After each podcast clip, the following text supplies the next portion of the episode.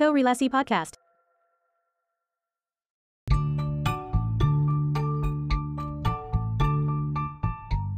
Halo teman-teman, kita bertemu lagi di uh, podcast korelasi, sebuah obrolan arsitektur yang berupaya melihat korelasinya dengan berbagai bidang dalam kehidupan. Di tiap episodenya kita akan ngobrol dengan tamu-tamu spesifik yang akan ngobrolin uh, topik-topik spesifik juga. Di kesempatan kali ini, eh, saya kedatangan satu rekan, satu partner juga uh, dari kenal dari UK Petra dulu uh, satu angkatan uh, kita ketemu dengan Andi Santoso dari Air Design Studio. Halo Andi. Halo, salam Halo. kenal semua. Apa kabar Andi? Baik. Kebetulan lagi libur. Pandemi ini gimana nih? Masih lancarkah kerjaannya di Air? Ya, puji Tuhan, uh, project-project masih ada beberapa lah yang masih running jalan. Mm-hmm. Ya, tapi memang beberapa ada yang pending ya berapa ada yang hmm. pending karena kondisi perekonomian owner-ownernya ya dia kontak ya hmm. apa-apa ya kita diobrolin baik-baik gitu ya ya ya strategi bersama gitu. Oke, okay. uh, eh, Andi sendiri saat ini ber, uh, beraktivitas arsitektur gitu ya di bawah Biro Air Design Studio. Topik kita yeah. kali ini akan ngobrolin seputar manajemen. Mungkin sebelum sampai ke sana, Andi boleh cerita dulu. Andi ini perjalanan arsitekturnya seperti apa sampai ke detik ini? Iya, uh, perjalanan arsitekturnya pertama kali uh, saya lulus 2010 mhm. dari Petra. Kemudian pertama kali lulus dari Petra, saya tidak berpikir untuk masuk dalam biro arsitektur secara langsung. Mm-hmm. Karena awalnya memang waktu di kuliah sudah mendapat kesempatan ya hmm. magang di beberapa biro arsitektur di Surabaya. Jadi sudah mendapatkan sedikit gambaran mengenai dunia arsitektur, magang di beberapa tempat, juga sempat freelance juga di masa kuliah. Sehingga waktu lulus malah kepikiran untuk mencoba hal baru tapi yang berkaitan. Jadi waktu itu memilih hmm. untuk bagaimana kalau masuk dalam biro interior. Oke. Okay. Biro konsultan interior. Di sana saya berpikir akan menjadi lengkap ketika ada arsitektur, terus kemudian kita juga bisa memikirkan skill gitu ya. Betul. Saya berpikir seperti itu. Kemudian ya mungkin Tuhan berkehendak lain di di sana tidak tidak bisa lama-lama jadi waktu itu okay. rencananya ingin belajar banyak sih jadi uh, hanya sekitar dua tahun kurang lah satu hmm. tahun sembilan bulan itu mau tidak mau harus keluar dikarenakan memang uh, papa ya itu hmm. orang tua sakit jadi hmm.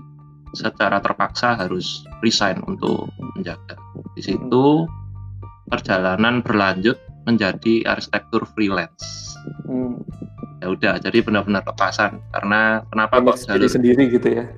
Betul. Hmm. Jadi kenapa kok jalur itu yang dipilih? Karena jalur itu yang paling fleksibel karena bisa menjaga orang tua hmm. yang sakit betul, juga betul. di rumah, tapi juga tetap bisa berkarir baik arsitektur maupun interior. Hmm. Nah, yang mungkin sangat unik itu adalah tiba-tiba saja dalam perjalanan freelance ini dipertemukan kembali oleh uh, beberapa rekan-rekan lama, teman-teman mm -hmm. lama, terus kemudian ya beberapa dosen juga yang akhirnya sekarang menjadi salah satu partner. Mm. Ya, itu karena freelance itu sih sebenarnya. Oh, Oke. Okay. Ya jadi uh, dari perjalanan freelance akhirnya kembali lagi bertemu dengan salah satu mentor arsitek saya waktu itu di Petra. Mm-hmm. Kolaborasinya juga kolaborasi mengenai pekerjaan waktu itu, okay. yang berlanjut terus selama freelance sampai akhirnya memutuskan bagaimana kalau kita memulai biru yang baru karena memang uh, yang lama dari biru rekan saya mm-hmm. kebetulan memang uh, harus ada yang diakhiri dan diselesaikan hmm. berpikir untuk memulai sesuatu yang dengan konsep yang Kemudian memulai kolaborasi dengan Pak Erwin ya untuk membentuk Air Design Studio sendiri. Betul, betul. Sejak tahun berapa itu Andi Air berdiri? Uh, berdirinya 2014. Oh, 2014 Februari.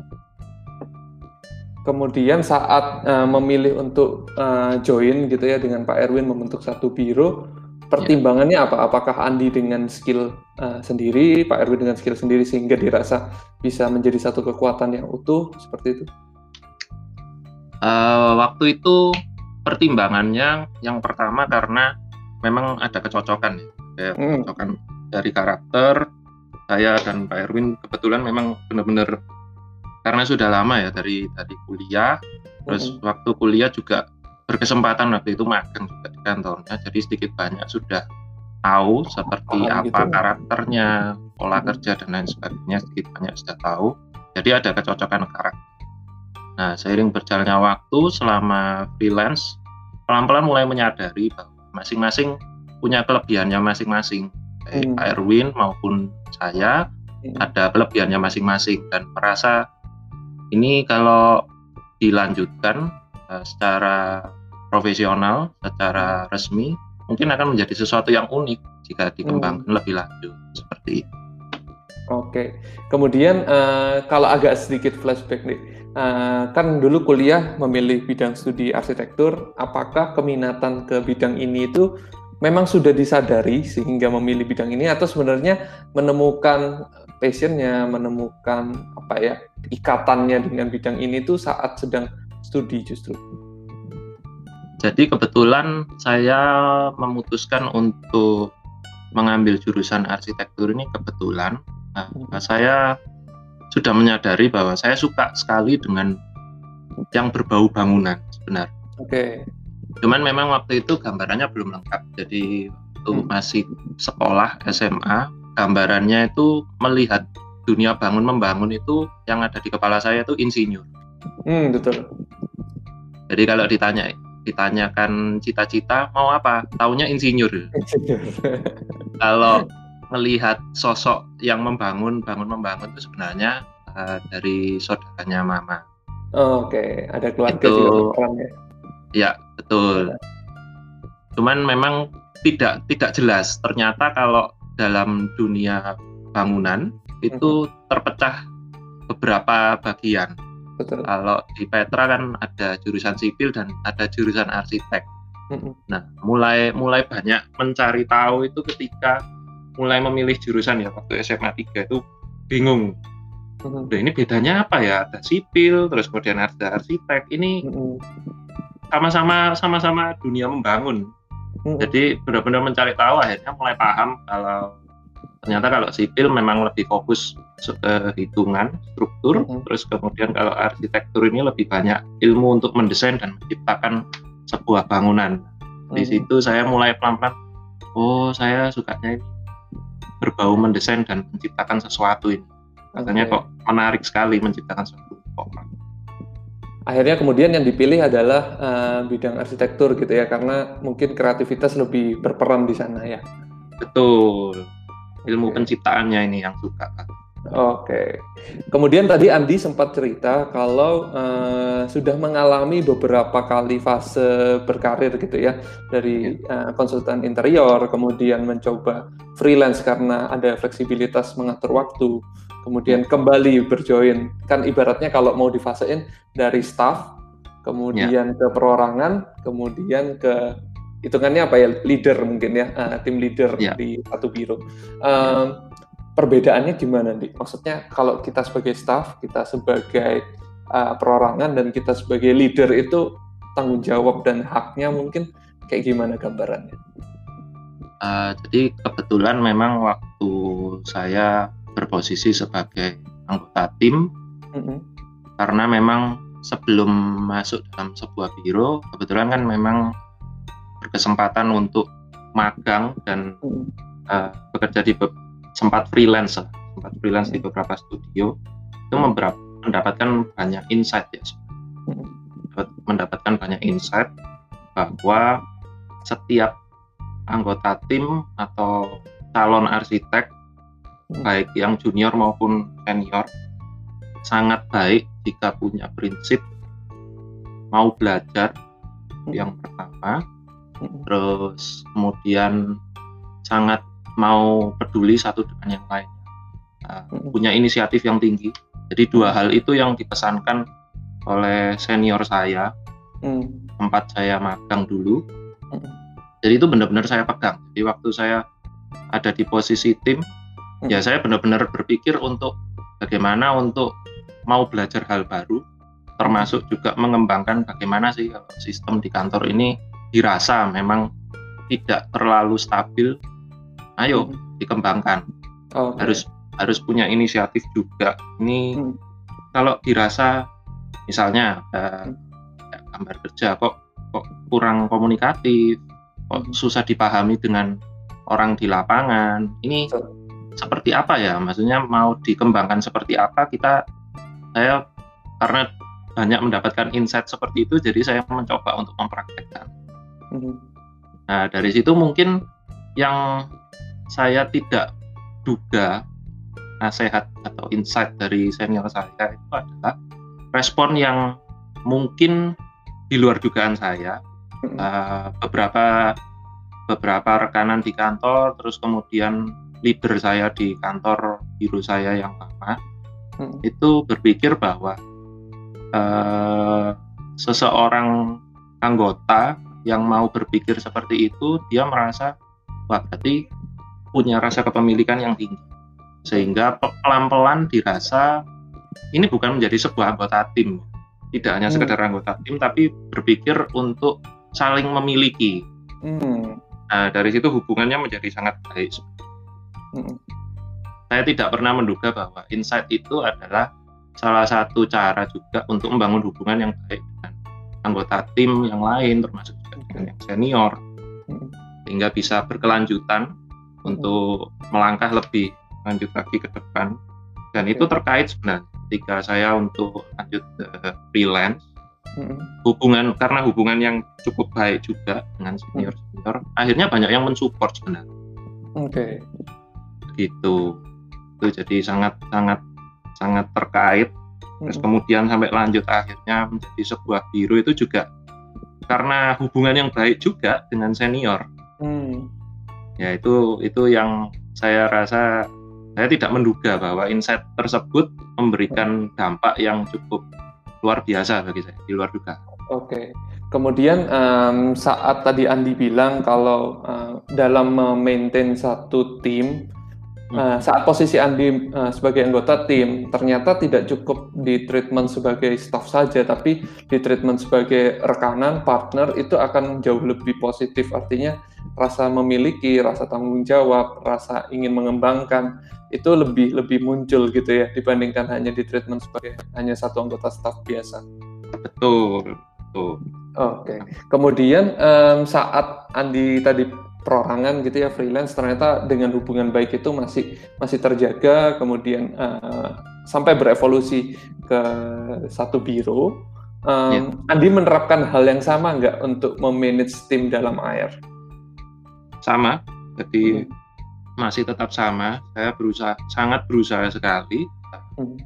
dalam internal kami juga di desain studio sangat berusaha sekali untuk menerapkan mungkin prinsipnya lebih ke arah ini ya uh, tanggung jawab jadi tidak benar-benar dipaksa untuk sebagai uh, target harus menyelesaikan seperti ini seperti ini karena saya merasa setiap pribadi uh, kalau kita mengenal setiap personalnya kita menjadi tahu bahwa seseorang ini bisa dipegangi sebuah tanggung jawab yang seperti apa. Oke. Okay jadi benar-benar pas porsi tanggung jawabnya terus kemudian mengenai inisiatif itu benar-benar dipancing terus. Terus kemudian mengenai rasa mau belajar itu juga selalu dipancing terus dengan memberikan beberapa hal-hal baru memberikan sebuah inovasi-inovasi yang baru. Itu. Hmm. Oke, okay. kemudian kan tadi Andi cerita tidak hanya sebatas uh, skill design gitu ya. Kemudian kita harus memaintain tim, bagaimana kemudian memaintain produk gambar kita supaya mudah dibaca, memaintain proyek mungkin saat uh, sedang berjalan masuk ke dalam biro itu bagaimana supaya tepat waktu dan lain sebagainya. Nah, ternyata kan banyak hal di luar desain sebelum kita uh, siap membentuk satu biro? Menurut ya. Andi, Andi sendiri yang sudah berpengalaman ini, uh, ya. apa sih yang perlu kita siapkan selain skill design? Tentunya skill design itu kan clear diajarin di sekolah gitu, diajarin ya. di kampus. Uh, sebelum membentuk biro, itu skill-skill apa sih sebenarnya yang perlu kita miliki? Mungkin salah satu yang paling penting dan kebetulan memang saya menyadarinya waktu sambil running, sambil jalan. Itu pelan-pelan baru menyadari bahwa salah satu yang paling penting ketika memulai sebuah biro adalah manajemen. Hmm. Nah, kenapa kok manajemen? Karena ketika kita berpikir kita ini perorangan atau sebuah anggota tim, mungkin kita tidak merasa manajemen ini menjadi sebuah kebutuhan yang penting. Karena kalau kita menjadi sebuah seorang anggota, kita hanya mengikuti manajemen yang sudah ada. gitu ya, dia. Betul. Hmm. Nah, ketika kita berpikir perorangan, kita juga tidak terlalu merasa sebuah manajemen itu menjadi hal yang penting karena kita mengendalikan diri kita sendiri. Betul.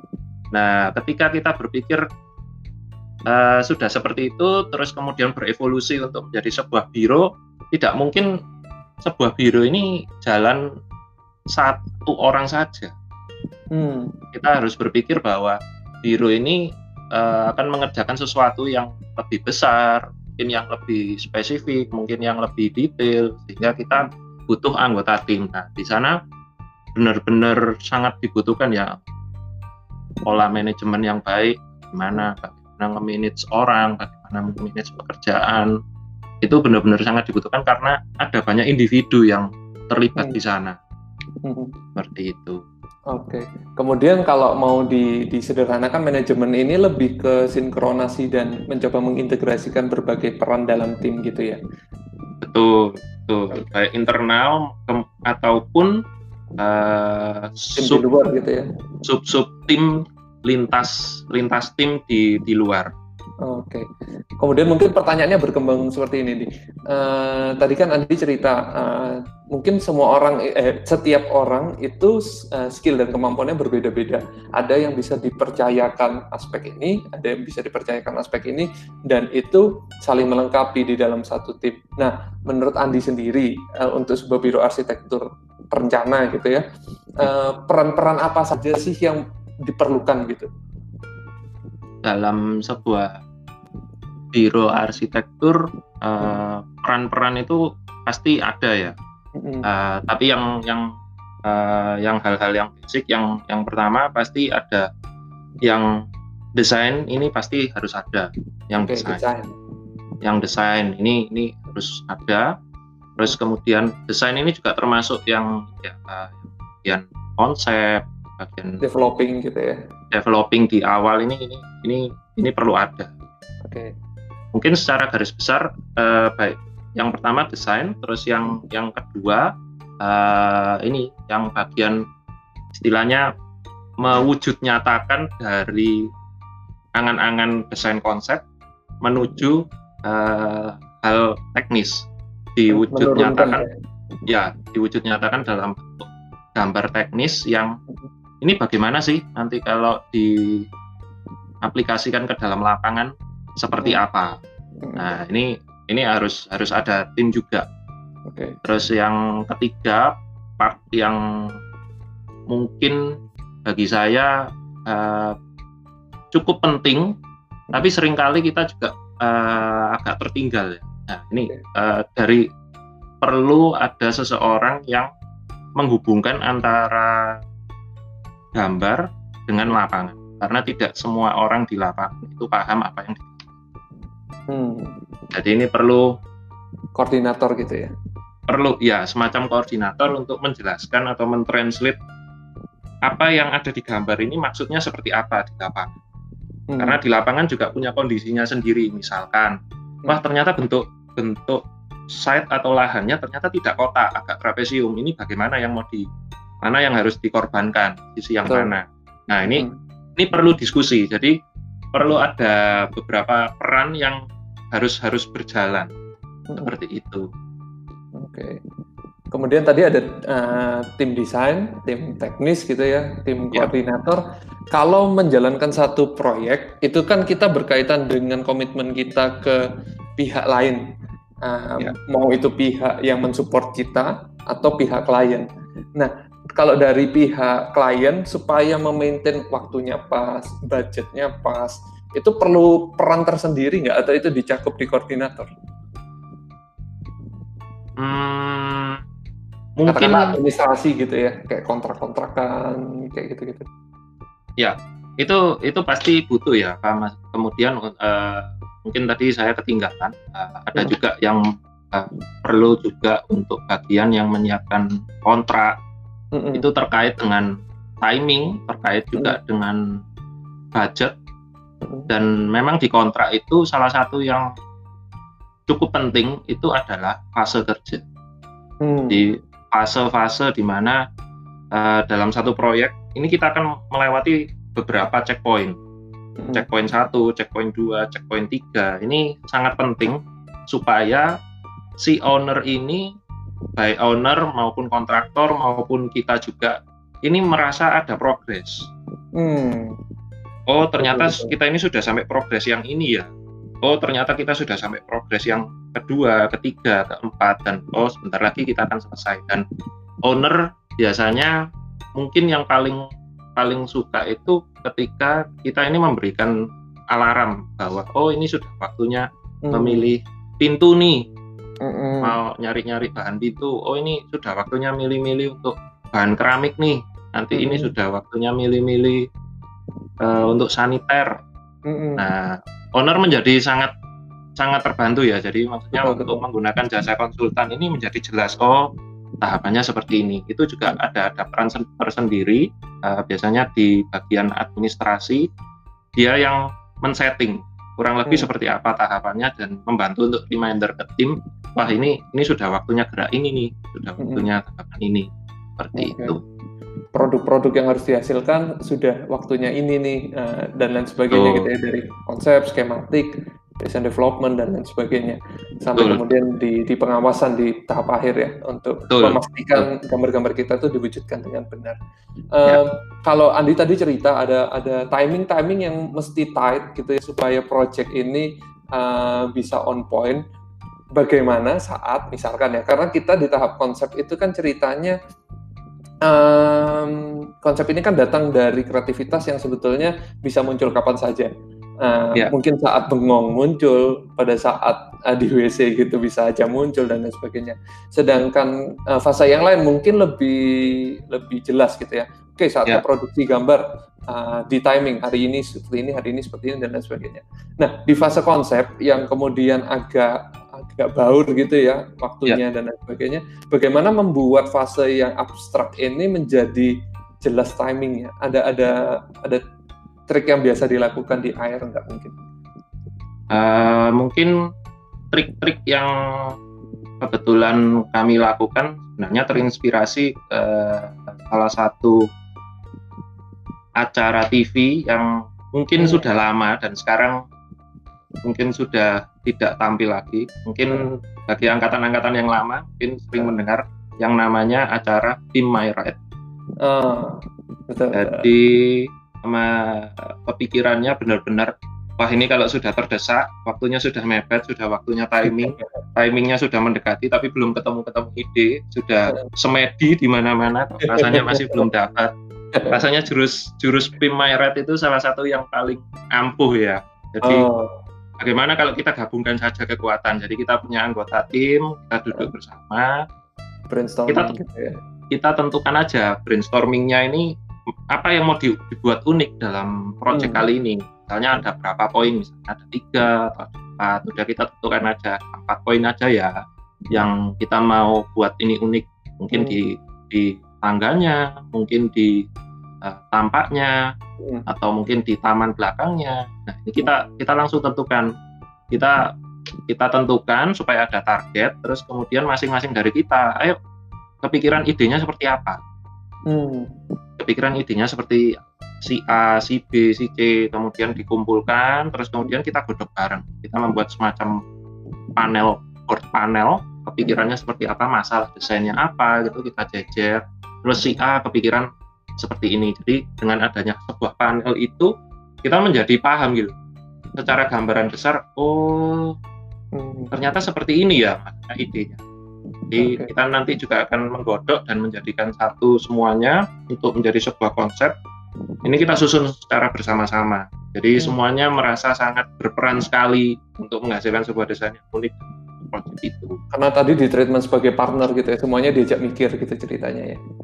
Betul, betul. Hmm, dengan dengan dengan set goal tertentu itu akan menjadi jelas gitu apa yang mau dicapai sehingga karena berpikirnya bersama-sama ah, kebuntuan-kebuntuan itu harusnya lebih mudah untuk di maintain seperti itu ya. Betul, betul, betul. Oke, kemudian uh, tadi Andi cerita di dalam satu tim itu perannya beragam, ada yang desain, ada yang teknis, ada yang mungkin perannya mengkoordinasi, ada yang bikin kontrak dan lain sebagainya. Saat kemudian uh, tim ini berkembang gitu ya, uh, Andi menerima staff baru dan lain sebagainya. Filteringnya seperti apa untuk kemudian pembacaan terhadap uh, kemampuan si orang ini bisa tepat gitu atau nggak miss gitu. Misalkan yang kuat desain kemudian jatuhnya di teknis jadinya nggak bisa maksimal atau sebaliknya. Itu ada yang dilakukan nggak untuk membaca satu kemampuan dari calon anggota staff gitu? Nah, mungkin yang saya garis bawahi setiap saya menerima seorang staff di hmm. kantor, memang ada harapan untuk menerima eh, orang-orang yang punya kemampuan di bidang-bidang tertentu yang kita harapkan. Memang itu memang itu menjadi poin utama. Tapi yang mungkin tidak kalah pentingnya adalah kita juga perlu mencari uh, karakter yang cocok dengan dengan kantor kami. Jadi hmm. rasanya hampir semua kantor menerapkan. Jadi ada tes kepribadian. Hmm. Jadi itu menjadi gitu ya, ya. ya betul itu menjadi salah satu faktor yang paling penting. Bahkan hmm. mungkin bisa jadi lebih penting daripada mengenai skill. Hmm, karena skill bisa dilatih sebetulnya ya. Betul. Nah, karakter ini ibarat ya sudah bawaannya dia itu seperti apa nah, itu menjadi hmm. sesuatu yang sangat penting etos hmm. kerja terus kemudian rasa tanggung jawab sebagainya itu uh, akan menjadi tergambar ketika dari tes tes kepribadian terus kemudian wawancara itu menjadi paham terus kemudian waktu uh, kita terima juga ya tentu saja ada masa percobaan itu kita tes beberapa apakah memang memang sesuai dengan uh, yang kita tes di kepribadian itu atau tidak Mengenai skill biasanya kita tidak menjadi patokan yang menjadi sangat utama, tapi kami merasa itu menjadi sesuatu yang bisa kita latih hmm. dalam seiring berjalannya waktu seperti itu. Oke, jadi lebih lebih perlu karakter yang mau belajar ya sebenarnya bukan bukan orang yang sudah ahli tapi terus kemudian nggak mau berkembang bersama gitu ya. Betul betul itu menjadi hal yang paling penting. Oke. Kemudian tadi kan ada beberapa peran yang dia ada konsep, desain dan lain sebagainya. Kemudian tadi Andi sempat mention mungkin juga ada koordinasi kita dengan tim yang di luar, katakanlah tim uh, struktur, MEP dan lain ya. sebagainya. Uh, membagi sebetulnya mana yang perlu di maintain dalam internal, mana kemudian yang bisa mungkin istilahnya di outsource gitu ya. Uh, membaginya berdasar proyek atau ya udah uh, pola kerja kita seperti ini item ini akan selalu outsource gitu itu kayak gimana uh, kalau dalam dunia arsitektur hmm. kelihatannya memang uh, sudah ada beberapa yang sudah sudah jelas jadi ya skala berdasarkan skala sih hmm. semuanya berdasarkan skala jadi kebetulan memang di studio kita hmm. skalanya memang kita batasi kita tidak tidak menerima skala yang sangat besar, tapi hmm. tidak menerima yang hanya kecil saja. Jadi memang kita menerimanya yang kecil dan medium. Oh, Kenapa okay. kok uh, kecil dan medium? Karena kalau yang kecil minimal kita berkolaborasi dengan tim sipil ya. Uh-uh. Minimal minimal kalau kelas rumah tinggal minimal ada kolaborasi dengan sipil uh-uh. rumah tinggal. Nah kemudian kalau yang kelas medium minimal ketambahan satu disiplin ilmu lagi MEP.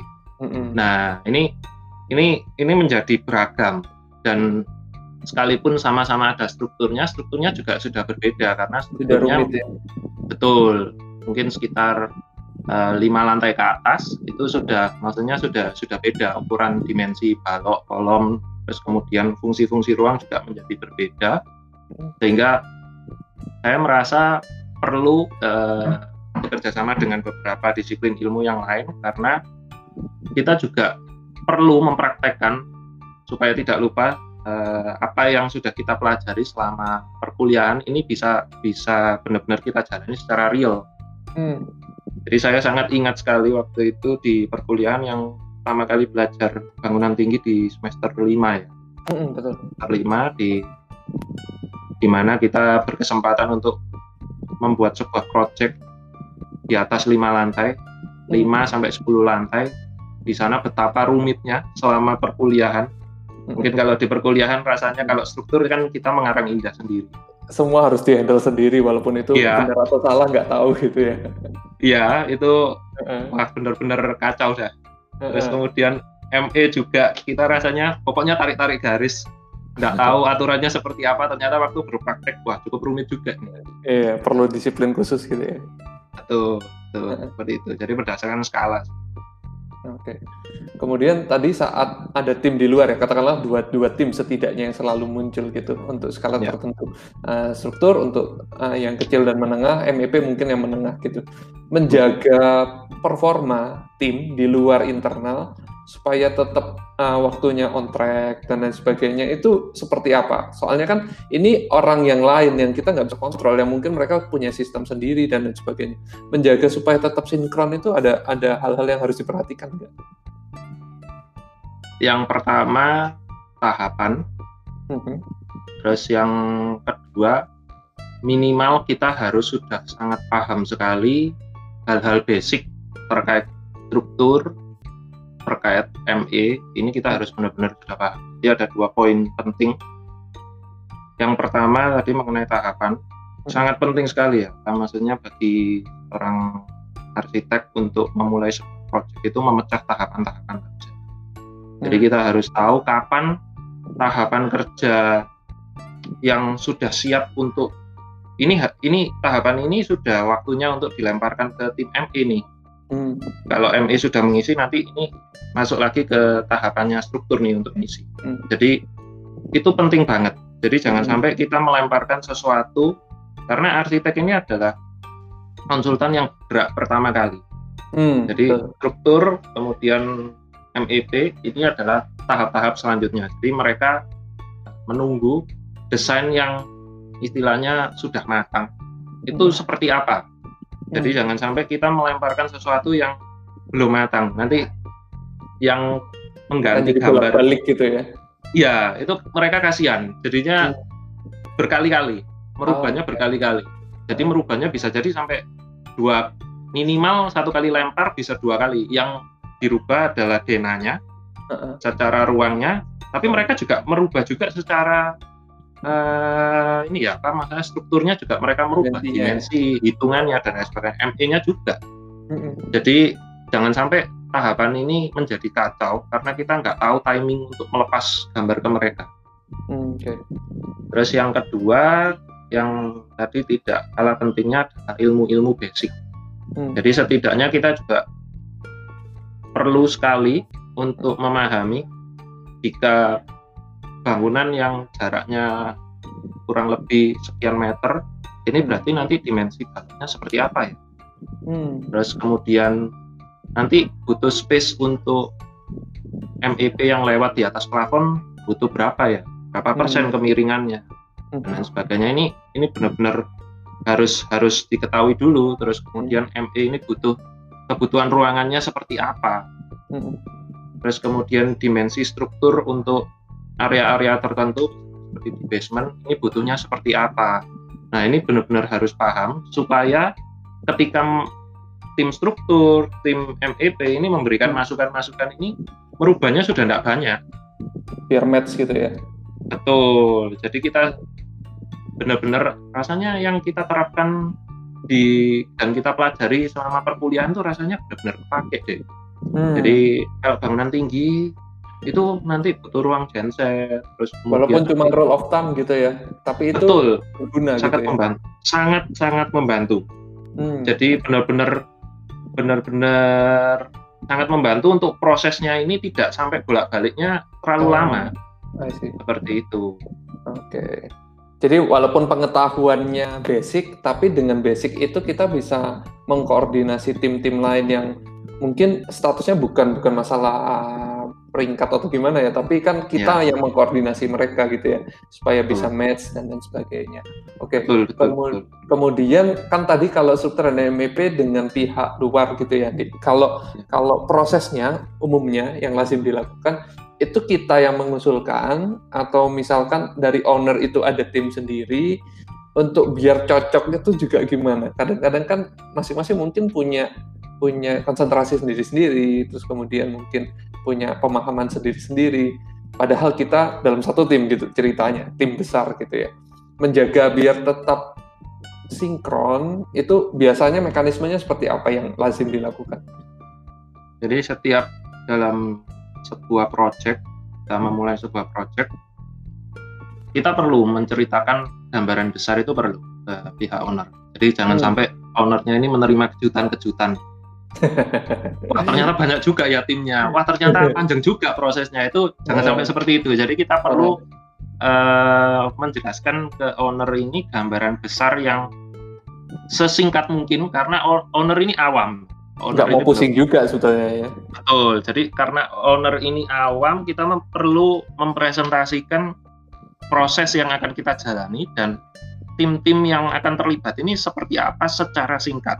Mungkin hmm. yang paling paling menggambarkan kalau dalam bentuk diagram ya, bentuk hmm. gambar itu uh, rasanya yang paling paling membantu untuk menceritakan ini bakal seperti apa prosesnya, hmm. berapa lama, terus kemudian hmm. tahapannya itu nanti yang terlibat siapa, seperti biasa kita selalu memberikan rekomendasi di nanti tim struktur seperti apa ini ada siapa aja tim MIP nanti seperti siapa saja kita memberikan kebebasan pada pihak owner nah, pihak owner apakah ada pilihan tersendiri? Ada rekanan sendiri. Misalkan dia wah kalau konsultan saya tidak ada kemudian kalau saya kontraktornya ada. Nah ya hmm. kita sangat terbuka. Kita sangat terbuka. Yang jelas okay. kita open aja. Kita hmm. juga suguhkan beberapa alternatif kita suguhkan. Hmm. itu uh, kita lemparkan kita berikan keputusan kepada pihak. Seperti itu Oke, jadi sebenarnya fleksibel untuk memilih siapa pun, tapi tadi ada tips trik dari Andi, kalau bisa ya nggak menyusahkan mereka. Kita sudah uh, tahu tahapan-tahapan di mana mereka bisa hmm. masuk, mereka nggak terlalu awal atau nggak terlalu akhir juga, jadi porsinya bisa tetap pas. Kita posisinya di koordinator utamanya gitu ya. Betul, karena kasihan juga kalau ownernya tidak tahu gambaran besar, mereka jadi bingung. Hmm, Sebenarnya betul, ini seperti apa tahapannya. Kemudian uh, kan dalam satu biro itu uh, untuk menjaga dia tetap berputar gitu ya kan tidak mungkin di satu waktu hanya satu proyek saja ya dia. Um, Kadang-kadang kita perlu untuk uh, memparalelkan proyek ini supaya dari aspek mungkin uh, keuangan dan lain sebagainya uh, cukup aman gitu untuk putaran kantor. Um, memaintain beberapa proyek sekaligus itu ada kesulitannya nggak? Tentu saja pasti ada sangat banyak tantangannya. Cuman memang uh, dari awal memang kebetulan sangat benar-benar sangat kebetulan sih saya rasa. Saya ditempatkan di kantor saya pertama kali itu kebetulan saya sempat ada di posisi general manager. Hmm. jadi tidak hanya sebagai junior designer tapi kemudian kema sudah sempat ada di tahapan general manager, terus kemudian juga pernah dalam posisi freelance juga, sehingga dari sana itu mendapatkan beberapa insight, mendapat hmm. beberapa pengalaman yang mungkin memang belum lengkap, hmm. tapi mendapat poin beberapa poin yang saya rasa menjadi bekal ini hmm. adalah mengenai skala proyek. Hmm. Jadi sangat penting sekali bagi bagi konsultan di biro yang sedang running hmm. tidak mungkin tidak mungkin kita menjalani sebuah biro ini dengan satu proyek dua proyek tidak mungkin hanya lebih hmm. terus kemudian dengan timingnya masing-masing hmm. nah yang pertama tipsnya adalah tahapan kerja itu sangat penting Terus yang kedua mengenai skala. Jadi eh, tahapan kerja ini menjadi sangat penting ketika kita menjalani beberapa proyek. Kita menjadi bisa men-setting goal. Hmm. Wah, proyek yang ini kita setting aja eh, selama beberapa waktu, kita setting sampai checkpointnya sampai sini aja dulu ya. Kemudian hmm. kita bisa switch ke proyek yang lain. Nah, ini benar-benar menjadi sangat penting karena kita menjadi jelas dan kita juga menjadi berprogres. Hmm. Secara psikologi uh, dalam semua anggota tim itu hati-hati dengan mungkin ritme yang tidak tertulis ya. Ritmenya kan tidak Terlalu tertulis. juga juga bahaya. Ya. ya jadi jadi akhirnya merasa secara psikologi ini ini ngapain sih gitu ya. Ya saya kerja kok kayak enggak mari-mari. Nah itu oh, itu betul. bahaya. Jadi yeah. checkpoint itu menjadi sangat jelas. Jadi uh, setiap anggota tim memang memang dibiasakan untuk eh disetting tahapan ini tuh apa produknya apa hmm. ini ini harus tertulis hmm. kalau yang sudah nanti dicatat itu sangat penting sekali. Secara psikologi mental semua anggota tim menjadi terasa bahwa wah saya sudah berprogres. Ini ada ada ada tahap terus kemudian yang yang kedua yang tidak kalah penting ada. Mungkin ini tiap-tiap masing-masing pribadi bisa berbeda-beda. Hmm. skala ini tiap biro bisa menilai sebuah project ini masuk kategori long term, ini masuk oh. kategori short term. Ini tiap-tiap biro bisa berbeda-beda, tapi bagi saya itu penting hmm. karena yang yang tahu kapasitasnya itu dari tim leadernya itu sendiri. Iya, koordinatornya itu ya. Itu yang sangat paham. Misalkan dalam satu biro itu bisa menerima misalkan uh, untuk skala project yang besar itu hmm. dalam satu tahun maksimal misalnya tiga atau dua. Hmm. Terus kemudian yang medium itu misalkan hanya lima atau sepuluh. Hmm. Terus kemudian yang short short term itu juga saya rasa tiap-tiap kantor rasanya perlu ya ada long term, medium, terus kemudian short. Okay. Karena ritme ritme untuk setiap project ini memang sangat fleksibel sekali ya benar-benar sangat fleksibel jadi yang bisa menentukan skalanya ini dari tiap masing-masing leader. Karena kalau semuanya long term itu juga bahaya. Karena masing-masing anggota nanti akan merasa ini kok tidak ada goalnya ya. Tapi kalau panjang gitu ya.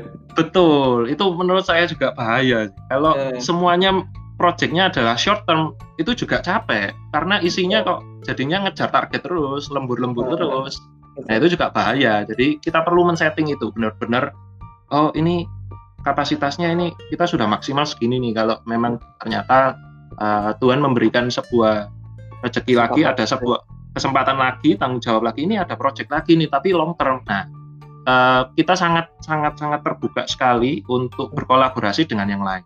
Oh, oke. Okay jadi betapa pentingnya mengetahui kapasitas itu hmm. karena kalau kita tidak tahu kapasitas, kita akan menjadi egois. Semuanya mau kita terima. Tapi kalau kita Rapat menjadi gitu ya? betul betul.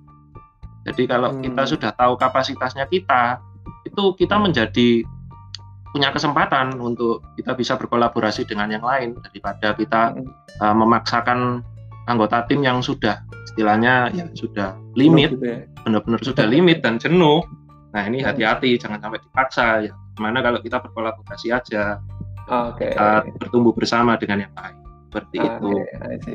Kemudian uh, mungkin ini jadi jadi salah satu cirinya AR juga ya bagaimana kemudian uh, kolaborasi itu muncul dari banyak person, dari banyak tim yang tidak hanya apa ya mungkin dalam istilah egois di maintain sendiri semua gitu ya, tapi coba dibagikan ke yang lain gitu ya.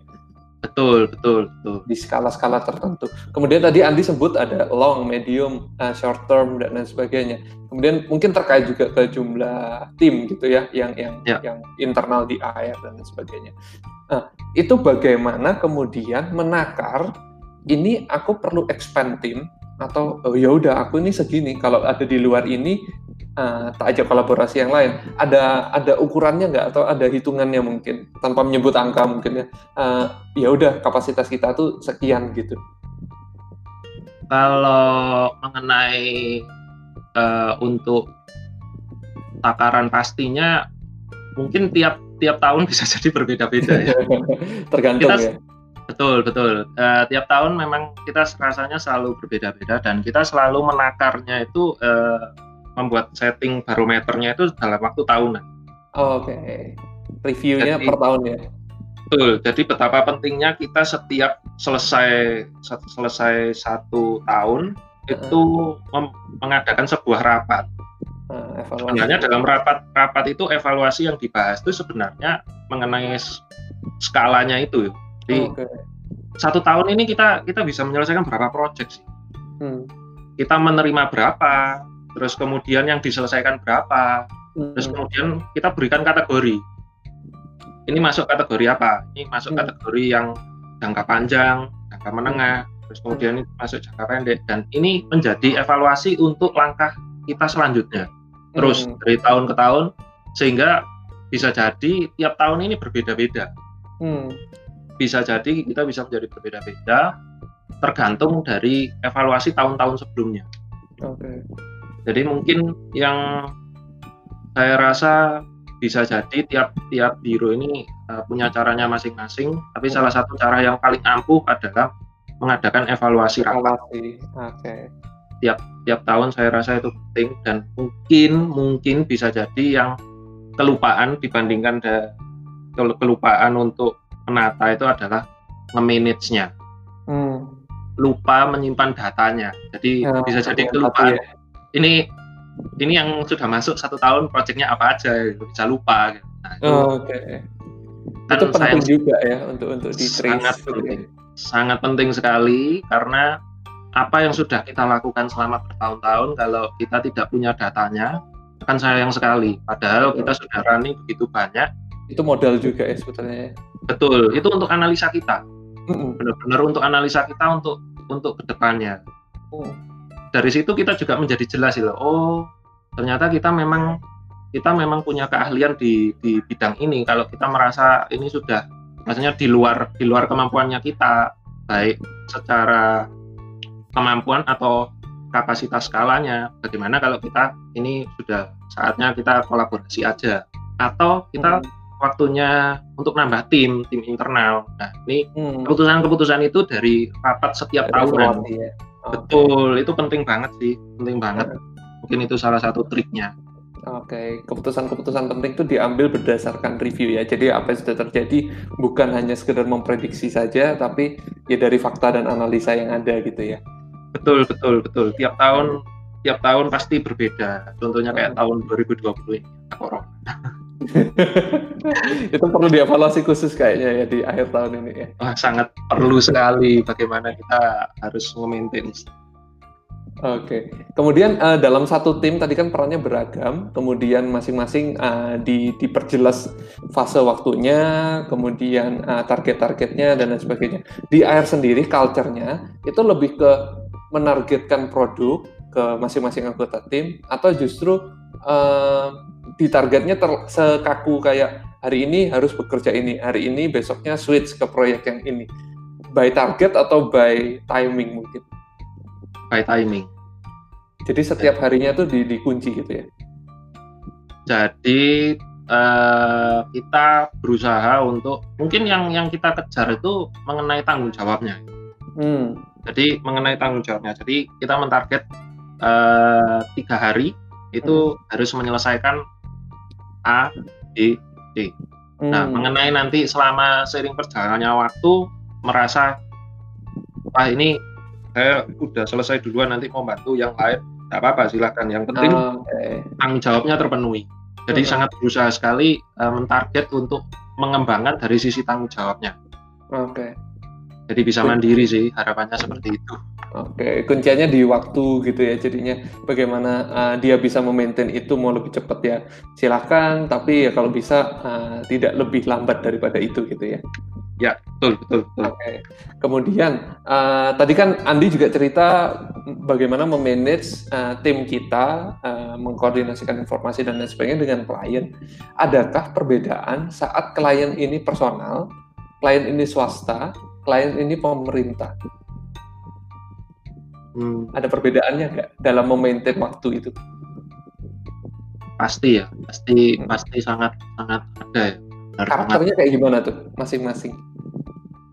Oke, okay, uh, kalau pribadi itu hmm. bisa jadi uh, lebih jelas karena kalau hmm. pribadi uh, klien kita uh, perorangan itu menjadi jelas benar maunya apa itu juga jelas hmm. kecuali kecuali memang uh, kliennya ini tujuannya adalah untuk membuat sebuah hunian ini memang untuk keluarga. Nah, oh. selalu selalu saya uh, sampaikan sebaiknya keputusannya diputuskan berdua bersama gitu ya pasangannya itu uh, sebaiknya diajak diskusi karena bahaya nanti kalau sudah diputuskan oleh salah seorang pasangannya terus kemudian pasangan yang satunya tidak setuju di kemudian hari nah itu bahaya itu mengulang lagi itu jadinya ya, itu, itu nanti mengulang lagi jadi hmm. perlu sekali untuk uh, untuk yang individu tipsnya adalah kalau untuk yang berpasangan itu dua-dua berdua itu hmm. perlu diajak terus kemudian kita ceritakan gambaran besarnya itu sangat perlu dipahami secara bersama. Tapi setidaknya yang untuk personal ini menjadi lebih jelas ya hmm. karena kemauannya sebagainya bisa tersampaikan secara langsung oke okay. terus kemudian kalau mungkin uh, organisasi atau kelompok itu memang agak rumit ya hmm. agak rumit bisa jadi malah tidak jelas oh. karena karena menggabungkan beberapa golongan di contoh oh. misalkan uh, misalnya yayasan sekolah misalkan hmm. Sekolah ini minimal minimal ada ada dua dua golongan yang harus kita satukan pendapatnya. Hmm. Jadi kalau yang individu tadi suami istri, terus kemudian hmm. kalau uh, organisasi atau yayasan ini minimal minimal ada ada dua golongan yang kita satukan satu dari yayasan, yang kemudian yang kedua dari pihak sekolah kepala hmm. sekolah hmm. dan lain sebagainya sebagai pengguna yayasan hmm. sebagai oh, okay. pemilik sama pengguna gitu ya betul nah ini untuk menyatukannya cukup cukup butuh waktu karena kita hmm. membahas membahasnya ini cukup lama. Karena masing-masing konsentrasinya sendiri-sendiri ya. Betul. Si hmm. owner benar-benar konsentrasi sekali dengan mengenai budget. Budget itu mengenai budget terus kemudian yang kedua juga ya mungkin dia ada keinginan naik image dan lain sebagainya. Terus kemudian kalau pengguna itu benar-benar fokus sekali dengan dengan pengalamannya dia, terus kemudian dengan fungsi fungsinya, ya penggunaannya. Jadi tuntutannya malah lebih banyak. Jadi ya ini hmm. perlu tipsnya mungkin ini ya sering sering sering rapat bersama.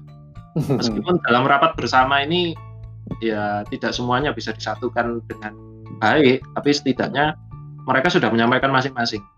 Hmm termasuk juga eh, tempat-tempat uh, ibadah itu juga ya menjadi tantangan tersendiri ya. Oke. Okay. Rasanya memang uh, yang melibatkan banyak banyak pihak ini sulit secara timing memang agak sulit dikunci ya. Jadi meskipun kita sudah menceritakan tahapan kan memang agak susah untuk untuk disatukan. Terus kemudian kalau mengenai timing dari proyek pemerintah, saya rasa timing timing start dan goalnya jelas. Hmm. Jadi dimulainya kapan itu jelas. Selesainya kapan itu selesainya kali gitu ya. Ya, cuman memang uh, untuk untuk setting goal checkpoint tiap tahapnya ini memang agak sulit. Hmm. Jadi start dan finishnya jelas, tapi antara start dan finish ini checkpointnya rancu. Karena juga, juga ya di dalam di dalam orang yang terlibat juga cukup banyak tapi setidaknya start dan finishnya jelas. Dibandingkan uh, dengan yang lain-lainnya yang sebelumnya saya ceritakan mungkin start finishnya agak nggak bisa bergeser. Uh, seperti itu. Tadi di bayangan saya justru kayak sebaliknya gitu ya. Kalau kalau perorangan mungkin terkait sama mood yang bisa berubah-ubah uh, inspirasi yang bisa berganti-ganti. Kalau organisasi kan cenderung lebih jelas oh goalnya sama. Tapi mungkin tadi ada persepsi-persepsi yang uh, miss atau tidak belum ketemu gitu ya. Um, hmm. Pernah mengalami nggak uh, yang yang yang perorangan tapi kemudian uh, jadwalnya agak kacau karena moodnya berubah atau karena inspirasinya berubah? Ya, uh, mungkin itu pengalaman-pengalaman yang juga saya pernah alami yang saya coba bagikan juga ya memang tidak semua tipe karakter individu ini saya dapatkan semuanya bisa by on time Mm -hmm. Tapi juga ada juga yang memang moodnya berubah-ubah itu juga ada. Hmm. Tapi setidaknya saya berusaha meskipun ya secara waktu memang agak sulit ya. Hmm. Kalau mengenai inspirasinya yang berubah-berubah, moodnya yang berubah-berubah. Tapi setidaknya uh, saya lebih mudah untuk mengingatkan karena hmm. sifatnya sifatnya masih person. Jadi pendekatan personal hmm. by by phone atau kemudian lebih mudah gitu ya. Betul. Jadi reminder untuk mengingatkan itu lebih mudah tersampaikan dan lebih mudah kita perjelas. Mungkin mungkin secara waktu itu masih tetap kalau secara timing memang agak bergeser, tapi kita masih bisa berusaha untuk pegang kendalinya masih lebih bisa karena kita masih bisa melakukan pendekatan personal. Misalkan salah satu contohnya misalnya, wah material yang kita sepakati yang dulu pakai material A terus kemudian ya beberapa bulan kemudian ganti ya jalan-jalan ketemu lagi loh. Pokoknya ada yang diskonan ya kok lebih murah. Karena kalau kita rubah ini? Ya itu ya sering juga sih. Ya kita kita ajak runding lah kita ajak runding hmm. kita kita kita diskusikan lagi kenapa sih kok konsekuensinya apa gitu ya ya konsekuensinya kita kita kita ceritakan semua nah ah, ah. memang memang secara waktu pasti ada ada perubahan ya pasti bergeser hmm. tapi untuk menjelaskan itu karena sifatnya perorangan itu lebih mudah dicapai hmm. Uh, dibandingkan dengan uh, yang golongan ya. Golongan ceritanya panjang lagi. Pemahamannya harus di setiap orang yang berperan itu perlu dilakukan jadi lebih capek gitu ya. Betul. Bahkan untuk men-setting waktu ketemunya saja cukup susah. Susah betul betul. Seperti kemudian itu. mungkin yang menjadi menjadi jalan keluar adalah uh, setiap review setiap asistensi gitu ya itu tercatat gitu ya. Betul, itu hmm. sangat penting sekali. Setiap kita rapat, setiap kita meeting, setiap hal yang kita sepakati, itu menjadi sangat penting uh, kita untuk membuat sebuah notulen rapat. Hmm. Itu sangat sangat penting sekali. Jadi dari pihak owner pun dan pihak kita itu sangat terbantu ya, sangat terbantu. Hmm. Kita ini juga ada progresnya. Hmm. Kita sudah jelas kita mensepakati apa, realnya apa, terus kemudian hmm ini kenapa kok bisa berubah karena pertimbangan mungkin kondisi lapangan ini hmm. ini menjadi jelas hmm. dan mungkin yang sering kali kita uh, tidak sadari itu adalah jangka waktu. Hmm. jadi project atau progres yang sedang kita jalani ini tidak mungkin waktunya sebentar. Betul. Projectnya pasti jalannya itu jangka panjang. Bagaimana kita punya sebuah reminder yang baik dan disepakati bersama tidak saling menyalahkan atau ini ingatannya siapa dan lain sebagainya ini bahaya menurut saya jadi karena kita menjalani sebuah proyek ini proyek jangka panjang itu penting sekali jadi kita sama-sama ingat oh dulu ini kita nggak jadi karena alasannya seperti ini ini ini ini hmm. ini harus harus harus tertulis semua dan tertulis lebih tanda tangani gitu ya betul betul itu sangat penting sekali sih sangat penting sekali itu membantu okay. reminder kita masing-masing dalam sebuah tim. Oke. Kemudian uh, tadi saat perubahan-perubahan itu dilakukan, semuanya tercatat, progresnya menjadi jelas gitu ya. Uh, ya. Berikutnya mungkin ini agak agak tabu untuk diomongkan gitu ya. Banyak orang yang menghindari untuk ngobrolin ini. Tapi mungkin ke keilmuan tentang ini uh, cukup penting kok menurut saya, yaitu ya. memanage keuangan di biro. Kan tadi ya. Andi cerita fase-fase proyek itu uh, kita bisa tagihkan di setiap tahap progres kita dan lain ya. sebagainya, jumlah uh, proyek ya. yang sedang berjalan itu berkaitan juga dengan income di kantor ya. dan sebagainya. Sedangkan kalau pos yang dikeluarkan itu kan beragam, ada pos untuk mengembangkan uh, kantor, ada pos untuk gaji karyawan, gaji leader, barang-barang uh, yang habis juga ya listrik, uh, ya. kertas, printing dan lain sebagainya ya. memanage itu mungkin kalau Andi boleh cerita ini loh sebenarnya yang harus kalian perhatikan. Iya, yang mengenai keuangan ini saya rasa juga saya belajarnya juga kebetulan memang dulu waktu di konsultan hmm. itu saya rasa juga semuanya serba kebetulan. Hmm. Jadi waktu posisi jadi GM itu karena memegang semua divisi ya, hampir semua hmm. divisi. Jadi ya megang divisi untuk lapangan juga kemudian divisi untuk desain juga saya uh, perlu uh, mengkoordinasi, terus kemudian keuangan kantor. Rasanya uh, saya belajar saya belajar paling banyak dari sana. Hmm. Jadi belajar paling banyak dari sana dan saya melihat persentase uh, untuk pengeluaran rutin dan lain sebagainya itu juga belajarnya melihatnya dari sana. Hmm. Di uh, kembali lagi betapa pentingnya untuk kita rapat evaluasi tiap tahun. Hmm. Jadi kita melihat satu tahun ini ada berapa sih bisa kita selesaikan. Hmm. Nah, kemudian terus yang kedua, setiap proyek ini kan ada tahapannya. Jadi hmm. ada tahap konsep, terus kemudian ada tahap skematik, hmm. dan lain sebagainya sampai lapangan. Ini kita juga perlu tahu sampai sejauh apa kita menyelesaikan satu proyek ini. Skopnya ya. Ya, checkpoint checkpointnya itu itu itu kita perlu garis bawahi. Jadi hmm. rapat evaluasi itu saya rasa banyak sekali ya yang apa perlu ditentukan. Jadi baik dari apa yang sudah kita selesaikan maupun proses yang sudah kita capai ini perlu dicatat. Terus hmm. kemudian kemampuan kita dalam menyelesaikan satu tahun ini seperti apa itu kita perlu menggarisbawahi. Jadi karena kita kebetulan sudah jalan dari 2014 sampai 2020 hmm. ini berarti sudah enam tahun ya. Enam tahun ya. Nah itu kita tahu gitu satu tahun ini dengan kecepatan kita, dengan hmm. sistem yang sudah kita jalani, kapasitasnya kita gitu. Nah, kita kita mampu menghasilkan berapa sih satu tahun? Hmm. Jadi selalu setting goalnya itu satu tahun sih. Hmm. Jadi per, per per tahun ini kita tahu dari rapat evaluasi itu kita tahu oh project ini tuh tahapannya sudah sampai mana, itu menghasilkan berapa. Itu kita catat semua. Hmm. Terus kemudian kita bahas, terus kemudian kita bagi per bulan. Oh ternyata kita pas nih kita hmm. pas. Nah, kalau kalau kalau dirasa masih belum pas, berarti ada sistem yang harus dirubah. Hmm.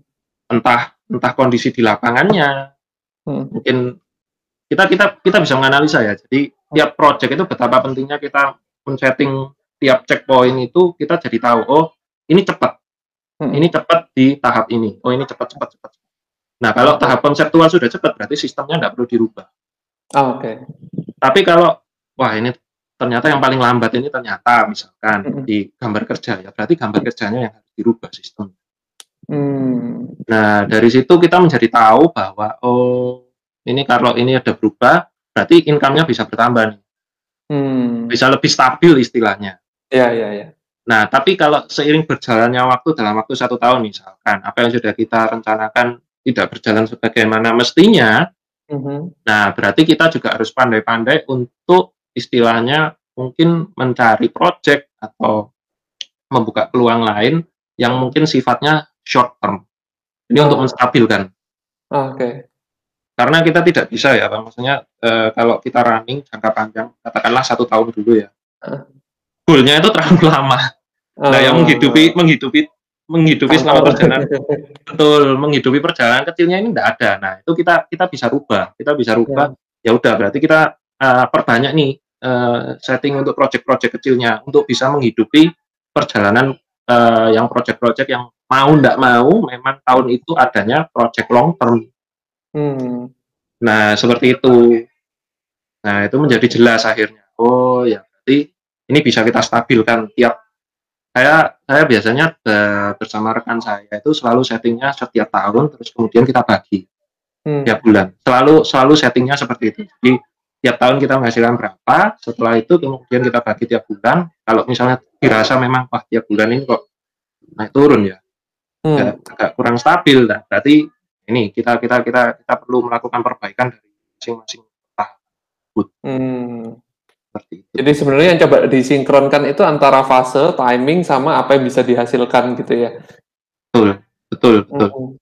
Oke, kemudian kalau kalau mau disederhanakan mungkin ya untuk untuk mudah dicerna segala macam, uh, apakah kemudian sistemnya itu oke okay, terima dulu aja sampai setahun, kemudian nanti kita rencanakan uh, pembagiannya seperti apa, atau mungkin uh, apa ya kayak oh ya udah dapatnya sekian dihambur-hamburkan kayak gitu-gitu.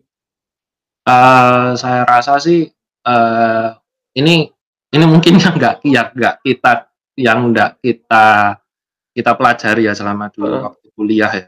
Betul betul. Nah, man manajemen keuangan ini saya rasa cukup cukup krusial ya? cukup krusial saya rasa cukup krusial karena hidup matinya dan bagaimana kita bisa survive dan lain sebagainya itu salah satu kunci utamanya memang manajemen keuangan. Nah, memang mau tidak mau kita eh, kalau kita dapatnya lebih, kita harus mem memikirkan untuk planning untuk tahun depan. Jadi jangan berpikir kalau kita lebih untuk tahun ini. Foya-foya gitu ya. Iya. Eh, mungkin setiap prinsipnya gini, prinsipnya eh, setiap biro, setiap biro itu perlu ada namanya itu bantalan uang jadi kayak bumper hmm. itu itu sebenarnya perlu. Tapi memang kalau kita baru tahapan memulai itu pasti belum ada. Itu kecil gitu ya mungkin ya. Ya, itu bumpernya mungkin kecil, tapi sering berjalannya waktu bumper itu pasti ada. Hmm. Nah, mungkin uh, ini strategi yang mungkin biasanya uh, saya saya coba terapkan adalah hmm. selalu usahakanlah ada persentase tertentu yang disiapkan untuk tabungan. tabungan uh, saving saving tersendiri untuk untuk ini bisa menghidupi masa-masa uh, di mana memang bulan itu memang lagi kosong. Hmm. Itu itu itu selalu. Hmm. Jadi setiap tahun itu saya bersama rekan saya selalu mentarget ini ini ini harus ada, ini harus hmm. ada. Kalau kebetulan memang uh, savingnya ini tidak terpakai, berarti ini harus kita siapkan untuk tahun depan. Hmm. Sehingga tahun depan ya bukan bukan melonggarkan target bukan, tapi setidaknya kita tidak perlu tergesa-gesa atau bingung. Hmm. Wah ini bagaimana ini targetnya? Tapi setidaknya tahun depan sudah ada tabungan, ah, okay. ada, ada ada ada saving. Nah hmm. kalau memang terpaksa tahun tahun tersebut harus terpakai ya ya sudah. Berarti kita hmm. siapkan lagi saving untuk untuk tahun depannya itu. lagi gitu ya. Betul betul. Hmm. Oke. Okay. Kemudian uh, menarik sekali ya uh, membahas tentang keuangan ini karena sering kali kan ini ini nggak dibahas gitu ceritanya kan kalau kalau nggak ada bayangan ya udah dapat proyek gede ya ya foya foya gitu padahal ya. sebenarnya akan menjadi penting untuk kita mempersiapkan bantalan itu tadi atau tabungan istilah Andi tadi betul, um, betul. yang aman di kalau kalau di yang dari sering saya baca kan uh, minimal mungkin satu tahun ke depan itu kayak operasionalnya udah ketutup duluan deh itu itu yang membuat hati kita tenang menjalankan putaran biru ini gitu. Uh, kalau kalau di air sendiri hitungannya seperti apa? Apakah apakah satu tahun ke depan ataukah berapa bulan ke depan itu aman ya sudah cukup kayak gitu? Uh, saya rasa uh, mengenai mengenai apa uh, target itu kita kita berusaha berusaha minimal minimal ya minimal hmm. untuk beberapa bulan ke depan. Jadi oh, setidaknya dua okay. tiga bulan ini kita kita sudah sudah siapkan hmm. uh, kalau sudah sudah terkumpul ya, ya kita berusaha untuk bukan berarti kalau kita sudah ada saving terus kemudian kita kita menjadinya gitu ya. Nah, ya enggak tapi kita biasanya kalau sudah ada dua tiga bulan ya udah kita kita tetap kejar target yang ada berusaha sebisa mungkin sampai akhir tahun mungkin savingnya ini enggak terpakai oh oke okay. berusaha untuk bukan malah memakai tapi berusaha untuk dipertahankan Tujuannya hmm. apa? Tujuannya ini bisa bisa terpakai untuk tahun depan. Hmm. Nah, itu itu yang tips tips dan trik yang saya berusaha untuk men-settingnya itu tidak sampai setahun sih. Kenapa kok hmm. tidak sampai setahun? Karena dari beberapa kali evaluasi proyek yang kita jalani hmm. memang eh, untuk setting satu tahun agak kesulitan. Hmm. Agak kesulitan karena oh, timingnya ya, ya secara timingnya itu memang beragam banget sih. Jadi hmm. setting setahun itu agak agak sering meleset sih. Dulu hmm. pernah men-setting satu tahun tapi nggak works gitu ya? Nggak works. Jadi hmm. mungkin dua tiga bulan itu sudah sudah cukup lah. Udah cukup. Ya. Oke. Okay. Kemudian uh, mungkin beberapa part terakhir ya sebelum nanti kita uh, udah uh, kesempatan ini. Yang yang yang menjadi pertanyaan adalah apakah kita kan Andi posisinya leader nih di di biro ini. Yeah. Apakah kita itu perlu untuk dalam tanda kutip menggaji diri kita sendiri. Jadi kayak fix income setiap bulan ya udah segini aja. Mau lebih pendapatannya ya ditabung atau itu fluktuatif menyesuaikan keuntungan yang didapat. Ya, jadi ini juga dilema dulu. Dulu waktu awal-awal dilema. Jadi ini sempat sempat rubah-rubah sistem. Oke. Okay. Jadi dulu awal pertama kali memulai settingnya adalah tidak jelas. Jadi pendapatan leader ini tidak jelas. Tapi bahaya. Jadi sering berjalannya waktu setahun, dua tahun. Wah, kalau kalau leadernya tidak jelas ini akhirnya kok targetnya juga menjadi tidak jelas. Hmm. Akhirnya tidak memacu memacu memacu diri untuk, untuk lebih tinggi lagi gitu ya. Betul. Jadi tidak memacu diri untuk mentarget. -hmm. Nah, mungkin sekitar tahun kedua masuk tahun ketiga itu kita rubah. Hmm. Harusnya leader ini ada target maksimumnya berapa, target minimumnya berapa. Oh, okay. Nah ini akhirnya kita setting, kita coba uh, target maksimum dan target minimum untuk leader tiap bulan ini seperti bulan. apa. Hmm. Nah, itu kita setting dan ternyata itu jauh lebih baik. Jadi jauh hmm. lebih baik yang dari leadernya juga jelas, yang yang kita lakukan juga menjadi jelas hmm. karena kita mengejar targetnya ini berapa. Hmm seperti itu. Jadi penting untuk leadernya ini sendiri kita mengapresiasi diri sendiri gitu ya. Betul, mengapresiasi kita ini mau dihargai berapa dalam hmm. waktu satu bulan ini kita mau dihargai berapa jam kerjanya bagaimana. Nah kita sepakati bersama. Hitung-hitungannya itu akan direview per tahun itu tadi gitu ya. Betul, betul, betul. Kita review per tahun. Kita review. Oke. Okay akan menjadi menarik tadi ya Andi sebutkan ada angka minimum dan ada angka maksimum gitu. Sehingga mungkin saat saat proyeknya lebih ya ada ada kelebihan yang bisa kita dapatkan. Tapi ya konsisten di angka itu supaya nggak nggak membebani kantor gitu ya. Betul betul betul. Oke. Kemudian di mungkin uh, part terakhir. Tadi kan Andi cerita banyak kalian dari manajemen kemudian memanage uh, gambar proyek dan lain sebagainya. Uh, Andi sendiri kan yang mengalami lewat melakukan gitu ya. Oh ya udah nyemplung aja di biro, mengamati, kemudian mempelajari yang akhirnya uh, bisa mengcreate sendiri, mengcreate sistem sendiri. Kalau yang ideal menurut Andi itu sistem belajarnya seperti apa? Karena sama-sama kita tahu ini nggak dialami di kampus gitu. Kalau proses belajarnya, saya rasa sebenarnya mungkin pembelajaran pembelajaran informal itu hmm. sebenarnya saya dapatkan yang paling awal sebenarnya itu waktu di kampus sebenarnya. Tapi memang hmm. informal ya. Hmm. Jadi saya merasa dulu waktu berkuliah di arsitek itu hmm. sangat beruntung sekali karena uh, arsitek ini salah satu jurusan yang paling banyak tugas kelompok. Oh, oke. Okay. Jadi paling banyak. Saya merasa hampir setiap semester itu ada tugas kelompoknya. ya.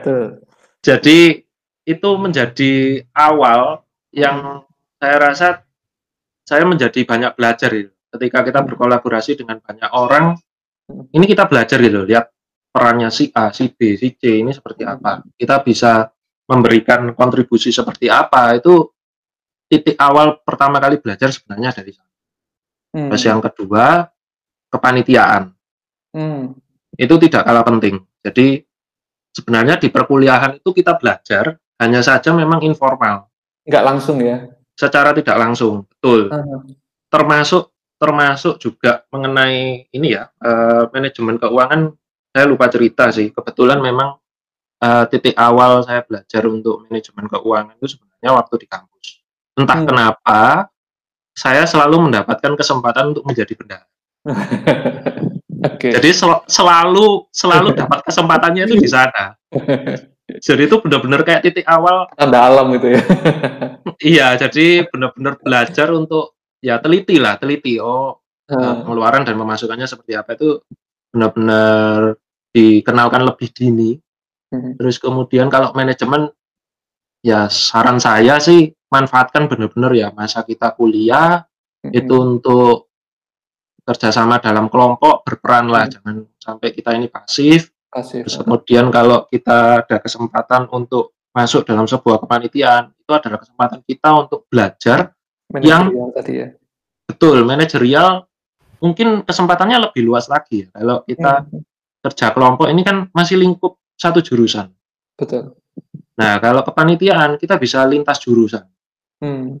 itu adalah kesempatan kita untuk belajar bagaimana sih kita mengenal pribadi orang lintas jurusan. Hmm. Kalau kita dalam satu jurusan, kita kan sudah kenal. Oh, hmm. yang namanya si A sesama jurusan, apalagi arsitek, sudah tahu lah etos hmm. kerjanya bagaimana, hmm. karakternya bagaimana, kedisiplinannya bagaimana, bagaimana cara kita menggerakkan anggota tim yang banyak ini. Hmm. Itu kita kita menjadi tahu. Tapi hmm. kalau lintas jurusan kita nggak tahu. Hmm. Karakternya Terus, beda ya. Betul. Apalagi kalau kita bekerja sama dengan kan anak sipil ya, yang benar-benar uh, sisi teknisnya lebih kuat. Nah, kita tidak bisa maksudnya memperlakukan semuanya itu sama. Hmm. Nah, itu mungkin versi mahasiswa. Hmm. Nah, waktu terjun di dunia kerja sebenarnya kurang lebih mekanisme sederhananya kurang lebih hampir sama hanya hmm. saja uh, personnya ini sudah beda-beda ada hmm. lintas usia yang hmm. paling yang paling terasa signifikan adalah mengenai lintas usia hmm. Komunikasi ini menjadi challenge sangat ya? penting benar-benar challenge tantangan tersendiri kita hmm. bicara dengan uh, seseorang gitu ya. betul itu menjadi tantangan tersendiri kalau kita mengkoordinasi untuk memanage ini mau bahkan hanya untuk meminta tolong untuk ayo kita berprogres seperti ini kalau penyampaian kita bahasa kita tidak tepat mm-hmm. mungkin orangnya bisa tersinggung singgung hmm. betul itu menjadi sangat penting sekali apalagi okay. untuk usia-usia yang mungkin yang sudah menyentuh kepala lima mm-hmm. itu benar-benar udah beda banget deh kita tidak bisa pakai cara kita. Nah, itu betapa pentingnya kita untuk terus evolve ya. Caranya hmm. kita untuk berkomunikasi. berkomunikasi. Ya. Penting banget. Kalau usia yang sudah menginjak kepala lima, kepa mungkin kepala empat akhir atau kepala lima, hmm. jangan kita paksakan menggunakan media-media komputerisasi yang mungkin serba serba digital itu. Uh, kita perlu adaptif sebenarnya ya. Betul, sangat sangat sangat penting sekali untuk kita ini terus beradaptasi. Uh-huh. Jadi kita yang masih muda, betapa pentingnya kita untuk evolve, untuk berkomunikasi, lintas usia, lintas generasi ini penting banget sih, penting banget. Oke, okay. uh, beberapa hal bisa saya garis bawahi dari obrolan kita kali ini. Uh, ya. Jangan terburu-buru membuat biro gitu ya, karena biro sendiri kompleksitasnya cukup tinggi. Upayakan manfaatkan uh, waktu kalian untuk belajar, mau itu belajar informal atau belajar di biro sebagai ya. anggota tim gitu ya, untuk mengamati. Kemudian kalian bisa memetakan kekuatan kalian di mana. Kemudian kalian bisa create sistem yang works untuk kalian, yang mungkin nggak perlu memper banget sama air gitu ya, tapi ya, kalian yeah, bisa yeah. menyesuaikan uh, versi kalian seperti apa. Tapi ini sering kali terlewatkan karena kita konsentrasinya sebagian besar tuh hanya di desain, desain bagus, desain bagus dan seterusnya. Padahal yeah. kelupaan desain bagus ini ya bisa terwujud karena manajerial yang bagus juga gitu ya. Betul, betul, betul sekali. Oke, okay. uh, eh, mungkin itu Andi. Jadi kita sudah ngobrol kurang lebih satu jam. Terima kasih kesempatannya, terima kasih ilmu-ilmu mahalnya yang yeah. mungkin tadi kalau kita bilang belajarnya dari mana ya mungkin salah satunya dari mendengarkan obrolan ini juga bisa belajar gitu ya untuk yeah. untuk dapat keilmuan tentang manajerial atau manajemen dalam biro arsitektur sendiri. Oke, okay. Iya. yeah. um, part paling terakhir adalah kalau mau diskusi apa boleh ke Instagramnya Andi? Boleh, boleh. Ya. Uh, ada di mana tadi? Boleh disebutkan? Uh, di air at air design studio. Mm -hmm. uh, itu nanti di sana ada Instagram dari biro kami, di sana ada beberapa uh, proyek-proyek atau karya yang sudah sempat kita hasilkan, hasil kolaborasi beberapa tim, beberapa rekan-rekan, terus kemudian untuk uh, Instagram pribadi ada ada di Andi Santoso at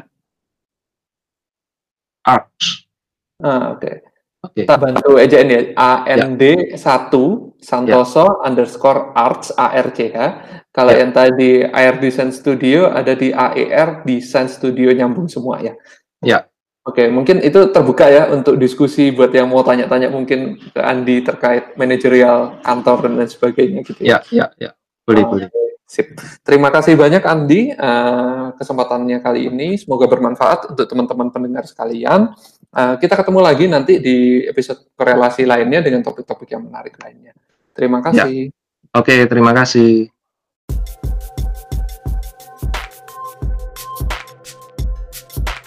Thank you for listening.